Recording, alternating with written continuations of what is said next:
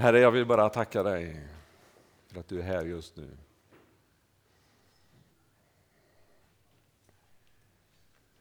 Jag tackar dig Fader för att du vill uppenbara dig för oss och du vill röra vid oss. Jesus, jag tackar dig för att du är mitt i centrum här. Och jag tackar dig för att du vill möta oss. Jag tackar dig för allt som du gör i våra liv och jag tackar dig för att du varje dag leder oss och att vi varje dag får känna din omsorg och din eh, glädje i våra hjärtan. Herre. Jag tackar dig för att du alltid ska få vara vår sång, Herre. Vår lovsång. Att den alltid ska få ljuda i vårt inre. Herre, oavsett vad vi möter, oavsett vad vi står i, så ska sången få ljuda starkt inom oss. För Herre, i, bön och i lovsång, Herre, så finns det ingenting som du inte kan göra, Herre, utan då kan du bryta ner murar som vi har sjungit om, Herre. Du kan riva murar och du kan öppna vägar, Herre, där inga vägar finns. Men när vi går på ditt ord, Herre, du som har vunnit en evig seger, så får vi se hur ditt rike kan breda ut sig, Herre, och vi får vara med i detta.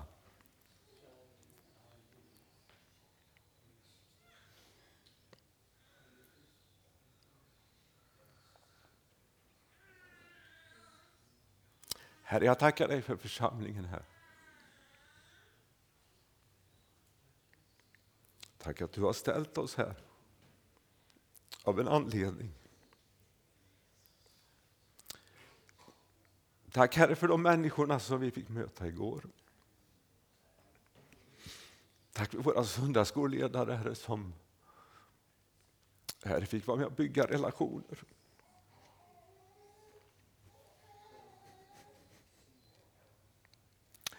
Herre, du ser att det finns människor som håller på att gå förlorade. Och Herre, vi vill nå dem. Herre, vi vill gå de vägar som du kallar oss att gå. Även om det kostar på, Herre, och även om det, även om det är tufft ibland, Herre, så vill vi vara i din vilja. Vi vill vara i din vilja, Herre. Jesus, tack för ditt ord som är levande. Tack för att det är verksamt. Och tack för att du vill göra någonting med oss här när vi läser bibelorden. Vi får låta dem röra vid våra hjärtan. Tack för att du finns här den här stunden, Herre. Amen.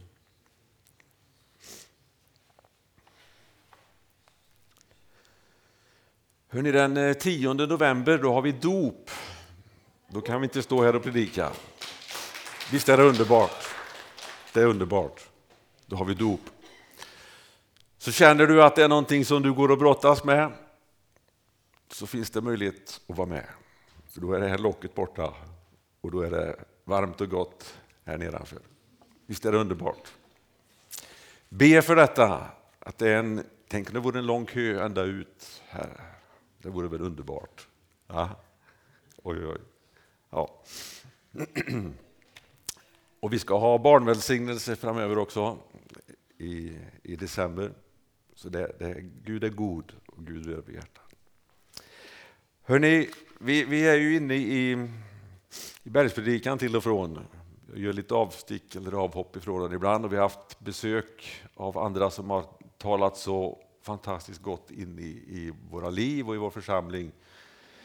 Men vi har kommit till ett avsnitt här som heter Salt och ljus i princip och det var så bra att han hade ett saltkar där tänkte jag i den här till popcornen. Men jag tänkte vi kanske kan använda det på något sätt när han ändå hade med det. Eh, att vara en lärjunge och få, få leva i ett, en djup glädje och en djup eh, relation med Jesus, det är ju vad han längtar efter.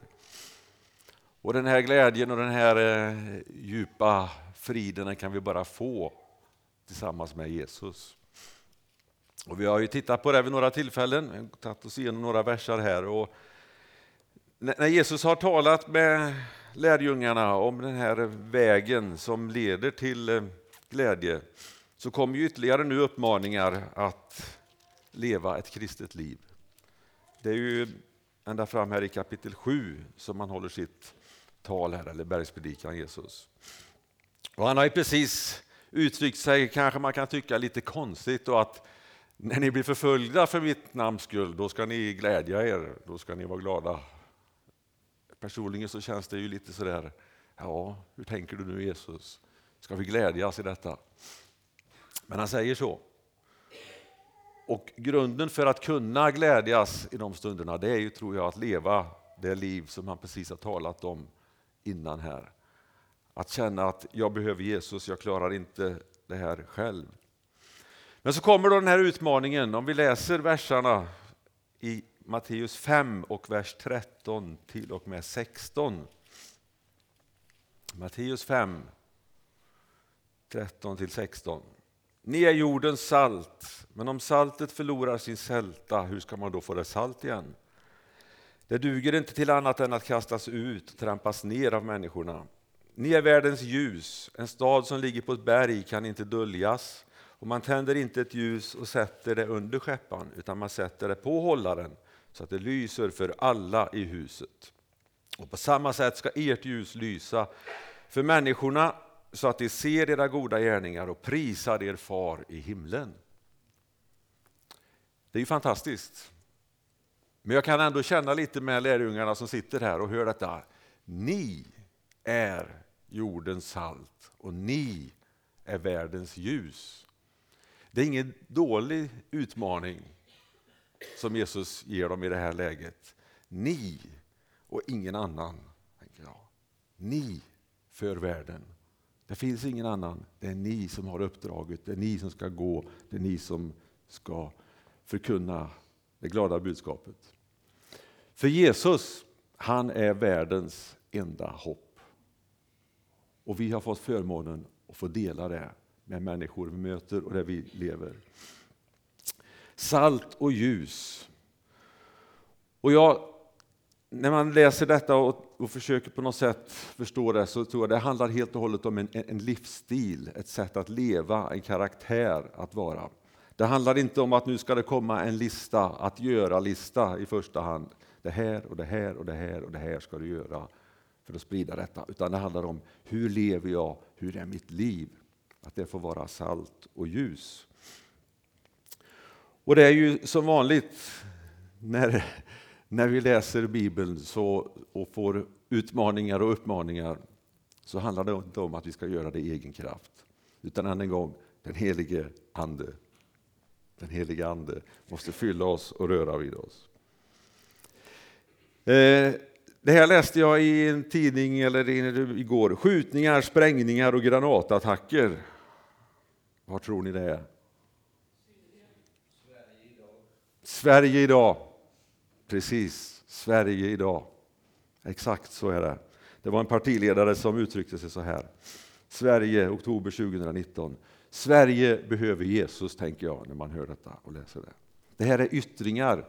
Det börjar inte med detta, men det är konsekvenser och yttringar av när inte ett liv levs i gemenskap med Jesus och när Jesus inte har den plats som han ska ha. Sverige behöver hopp och Sverige behöver salt och ljus, tänker jag. Och det är din och min uppgift i det här. Och salt då? Vilken funktion har salt egentligen?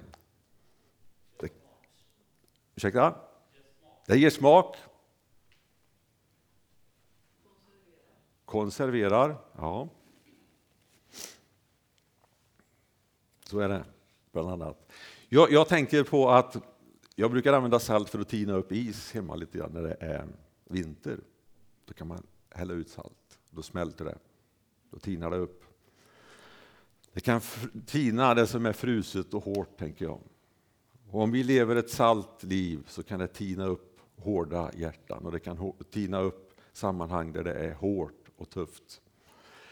Det ger smak, det är en smakhöjare och det är också någonting som eh, så att säga, det inte konserverar, men det hindrar förruttnelse.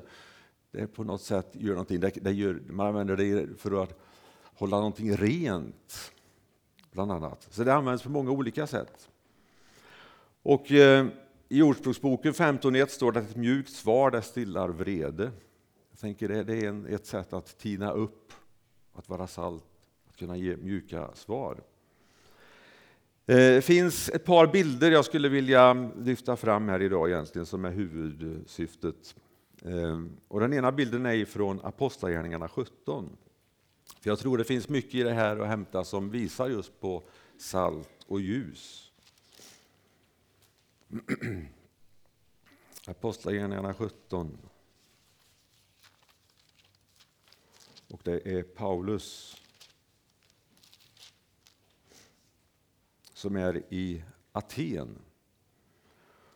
Och vi kan läsa vers 15, 16, 18, 22, 23. Jag hoppar lite grann mellan verserna här, så vi läser kanske inte hela.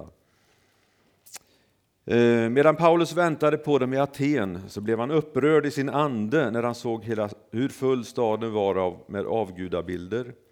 Han samtalade därför i synagogan med judarna och med dem som vördade Gud och dessutom varje dag på torget med dem som han träffade där. Eh, och sen kommer Paulus till Areopagen och eh, han ställer sig mitt på Areopagen och sa Atenare, jag ser att ni på alla sätt är mycket religiösa. När jag gick omkring och studerade era gudabilder fann jag nämligen också ett altare med inskriften åt en okänd Gud. Och det ni tillber utan att känna det, det förkunnar jag nu för er. Jag tänker att vara salt och ljus handlar inte i första hand som församling att ställa sig upp och gå emot allting och konfrontera allting. Alltid. Det handlar om att peka på någonting annat, på att det finns någonting bättre, på att det finns hopp och att det finns ljus. Att hitta vägar och öppningar där vi på något sätt kan nå människor på ett visligt och klokt sätt, tänker jag. Det kan vara salt och ljus. Och, och Paulus här, han eh, tycker jag, han, det stod ju här i början att han var upprörd i sin ande. Och visst kan man vara upprörd och jag känner ibland att man blir upprörd och det är lätt att då konfrontera och gå till anfall. Men han gör inte det här, tänker jag lite grann. Han, det står att han samtalar med dem i synagogan. Jag tänker att han, han ber och han liksom på något sätt söker Gud i detta. Och sen helt plötsligt så ser han en möjlighet. Här står det ju en, en Gud, en okänd Gud har de att ber till. Där finns det en möjlighet att presentera Jesus. Och så gör han det på det viset. Jag tänker att vi får vara saltkorn. Det är inte bra om allt salt är på ett ställe tänker jag. När vi sitter här inne så är det jättebra och vi får byggas upp. Men, men om man strör ut salt, oj, vad skoj. Så. så, så får det mer spridning. Va? Och ett litet saltkorn kan göra väldigt stor skillnad. Är det inte så? Det behövs inte mycket alltid, det ska vara lagom salt. Det ska finnas här och där. Och om vi går ut på olika sätt så kommer vi att nå ut väldigt mycket. Inte bara samlas på det här sättet när vi sitter så här. Det är jättegott och det är viktigt och det ska vi göra. Men vi ska vara salt i samhället. Och jag tänker på, vi behöver inte alltid säga någonting. Det kan vara så att när du kommer på din arbetsplats, när du är i skolan, när du möter människor, så kommer människor, om de känner vad du har i dig, att märka det. Jag vet inte hur, hur ni har mötts på olika sätt, men när människor ändå känner att nu sa jag kanske någonting dumt, någon som kanske svär eller någonting. Oj, ursäkta, säger de och så backar de. På något sätt så, med ditt liv och med det sätt du lever, så får det effekt bland människor utan att du kanske behöver säga något alltid. Vårt uppdrag som församling, det viktigaste, det är att göra lärjungar. Inte, tror jag, lägga kraft och tid i första hand på att konfrontera och slå, utan vi ska peka på Jesus hela tiden. Paulus han var upprörd i sin ande och som sagt var, jag tror man kan vara det många gånger. Och jag själv känner att man har varit det och man har konfronterat. Men så får man komma till insikt och så tänker man, jag behöver gå och be om förlåtelse. Jag vet inte om ni har behövt göra det någon gång. Men så tänkte jag på det, tänk om inte förlåt hade funnits. Det lilla ordet. Hur skulle det se ut då? Vi, vi ser ju kanske effekter av det lite grann både här och på många ställen. Men jag hoppas att vi vet om att det finns ett ord som heter förlåt. Att vi behöver använda det. Troligtvis varje dag i princip. Förlåt, för det löser upp saker och ting. Det stillar vrede. Och jag tänker om man gör på det här sättet, att vi ber och försöker hitta vägar fram, så tror jag att saker och ting går till något bra. Det står så här i vers 34 sen i kapitel 17. När Paulus hade talat till dem, då står det så här. Några anslöt sig till honom och kom till tro. Om han hade konfronterat och bara smält på direkt där när han blev upprörd. Frågan är om han hade fått människor med sig och komma till tro i det läget. Nu backar han tillbaka och jag tror att han bad mycket över detta. Han såg en väg, han gick in på den vägen, han mötte människorna där de var med vishet och människor kom till tro. Och visst kan väl vi göra så också, tänker jag, när vi möter människor. Vi kan hitta vägar och erbjuda saker och ting. Vi kan närma oss människor och säga, vi känner någon som kan hjälpa dig i den situationen du är i. Vi känner någon som kan trösta dig när du är ledsen. Jag vet en som kan hjälpa dig att förlåta de du är i konflikt med. Jag vet någon som kan ge dig frid i ditt inre när det stormar och blåser i din omgivning. Tänk att vi kan hitta vägar i olika sammanhang utan att slå på människor, utan peka på Jesus och säga vi har nog en lösning åt dig i den situationen du är i. Och Jag tror Paulus levde lite grann i detta. Det var ett sätt att närma sig människor. Och I Kolosserbrevet 4 Kolosserbrevet 4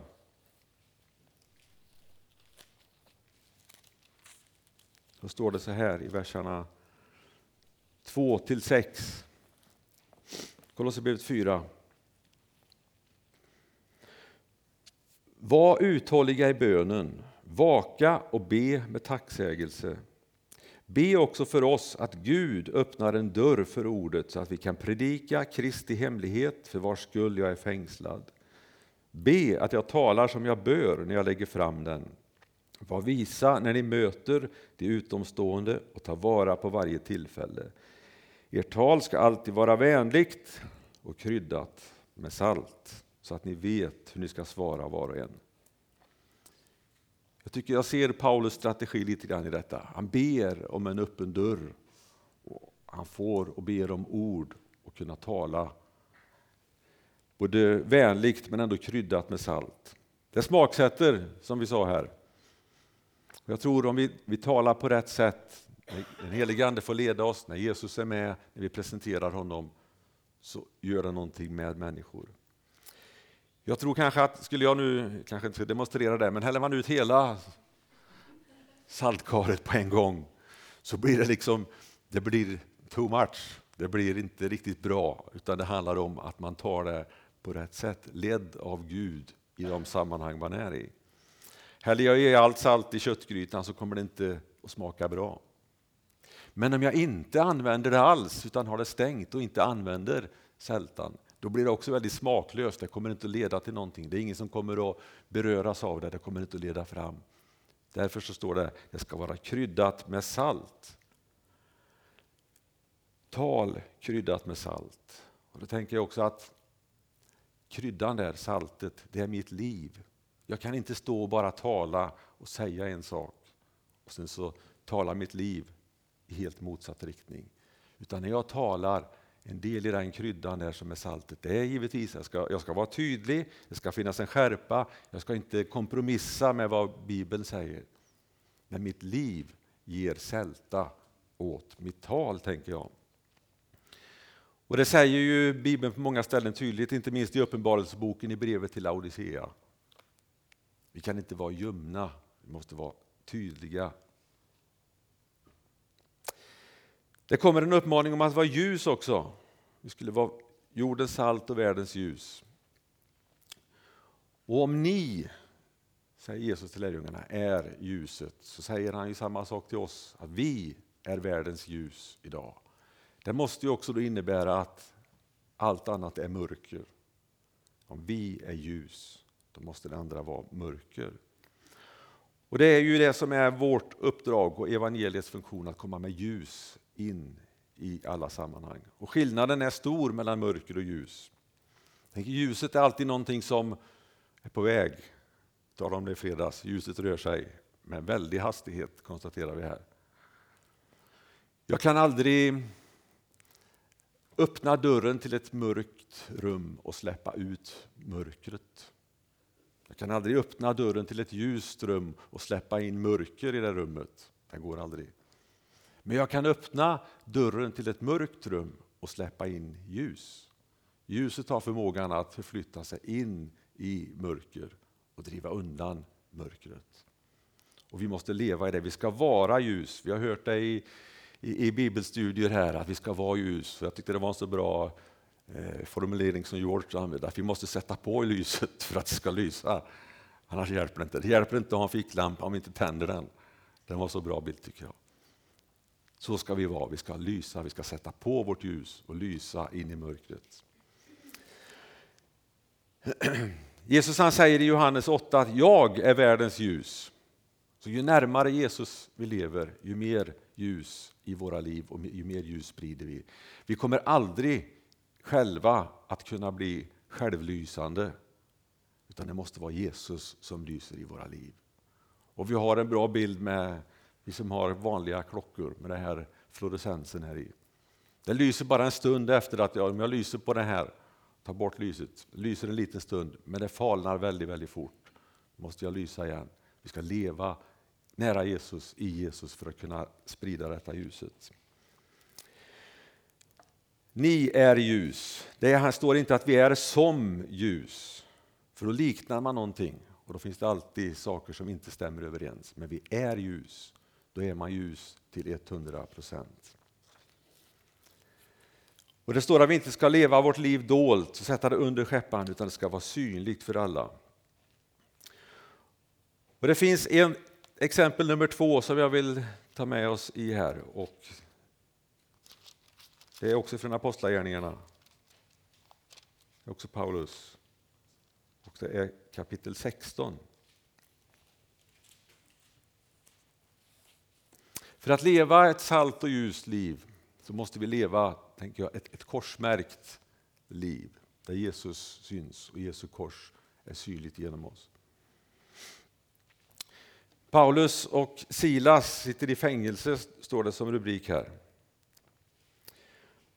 De mötte en, eh, de var på väg till böneplatsen och så höll det på i några dagar. Man mötte en, en kvinna där som var besatt, som talade och, och, och skrek emot dem. Och sen en dag så tröttnar Paulus och befaller anden att lämna den här kvinnan. Och anden lämnar kvinnan.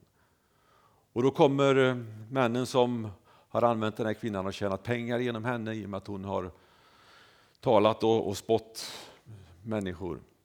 Då kommer de och, och ger sig på Paulus och Silas. Det står att de släpade dem till torget inför myndigheterna. De slet av dem kläderna, de fick många rapp och kastades i fängelse. I den innersta cellen sattes de och de låstes fast i stocken. Det var ganska mycket som var emot dem i det här läget. De blev insläpade, blev av med kläderna och de fick många rapp, står det här. Jag vet inte hur vi skulle reagerat i den situationen. Men i vers 25 står det så här. Vid midnatt så var Paulus och Silas i bön och lovsång till Gud medan fångarna lyssnade till dem. Det här tänker jag, det här är att leva ett, ett, ett liv i salt och ljus.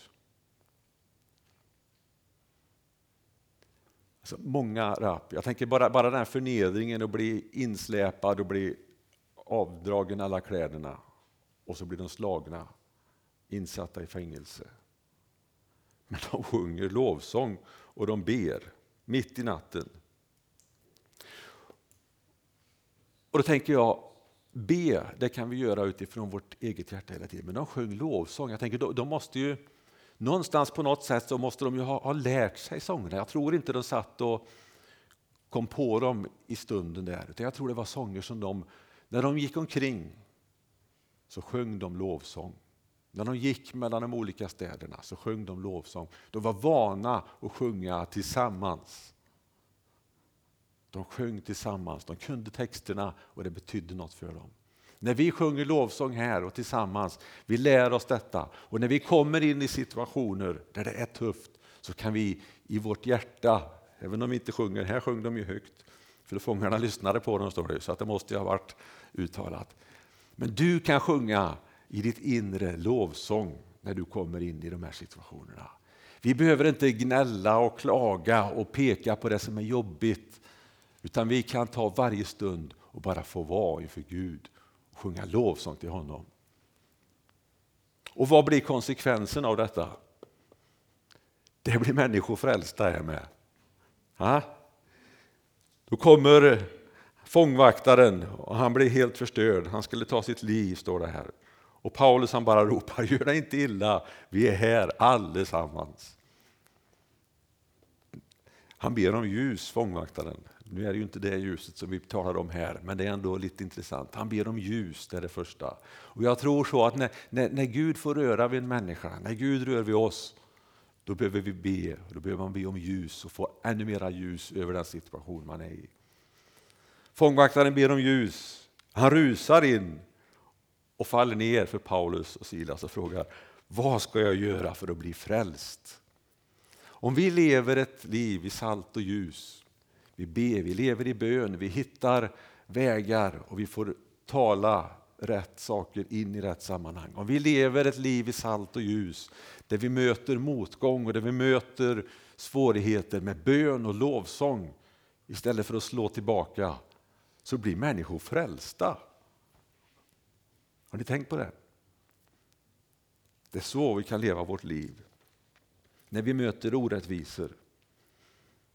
Ett korsmärkt liv, tänker jag. I första Korinthierbrevet 2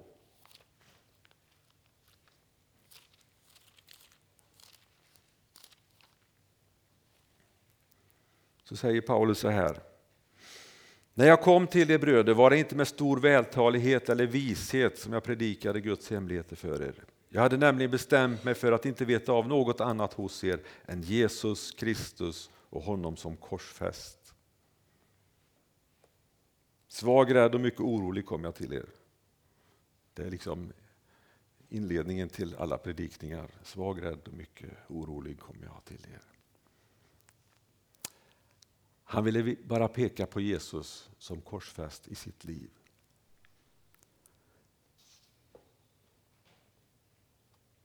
Ditt liv och mitt, om vi lever det i salt och ljus, kommer att leda till att människor blir frälsta. Jag tror vi kan se det ganska svart på vitt här och det är Gud och det är Jesus tanke med våra liv. Vi ska gå in i nattvardsfirande här alldeles strax och då har vi möjlighet att få vara i bön, vi har möjlighet att få vara inför Gud. Vill du leva ett liv i salt och ljus så finns det möjlighet att bara få vara inför tronen, få vara inför Jesus den här stunden. Tacka honom för vad han har gjort för dig. Bara öppna ditt hjärta och låta honom tala in i det. Vill du vara salt och ljus på din arbetsplats, i skolan, bland dina grannar? Du är kallad till det. Jesus säger det. Ni är världens ljus. Ni är jordens salt. Det är du och jag. Jag tror det är så viktigt att vi tar det till oss. Vi samlas vecka efter vecka och på något sätt någonstans så måste det få göra mycket mer med oss än vad jag tror vi lever i idag. Idag finns möjligheten, vi ska alldeles strax som sagt var, Gunnar ska leda oss i nattvardsfirandet här. Och då har du möjlighet att få närma dig Jesus och få låta dig bli salt och ljus. Och vi kan gå ut härifrån och få sprida det där vi möts. Herre, jag tackar dig för att du vill låta oss leva ett, ett liv, ett salt och ljust liv, Herre. För du, Herre, du har dött för alla människor och du, du vet de som håller på och missar det här idag. Herre, jag tackar dig för att du har kallat oss alla till att vara det saltet och vara det ljuset.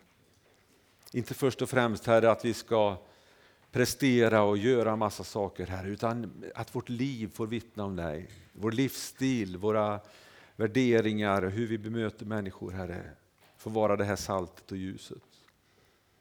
Jag ber att vi alla ska kunna stanna upp, Herre, ibland när vi känner den här frustrationen och vi kanske vill gå till motangrepp, Herre, så får vi stanna upp, Herre, och söka dig och be att du visar oss en, en bättre väg, ett sätt att nå de här människorna. Jag tackar dig för att du vill låta oss tala in i människors situationer och liv när vi följer dig, när vi lyssnar till dig, Herre. Då kan vi få peka på dig, du som är världens ljus. Du som är det enda hoppet, Herre. Tackar dig för att vi får leva i det. Jag ber också att du ska signa den här stunden nu, Herre, när vi får alldeles strax gå in i, i nattvardsfirandet, Herre. Jag tackar dig för vad du gjorde på Golgata kors. Tack att vi får leva det här korsmärkta livet, Herre. När du får synas genom oss, när du får höras och märkas genom oss, Herre. När inte vi ställer oss i vägen för dig och lever liv, Herre, som gör att du kommer i skymundan, Herre. Amen.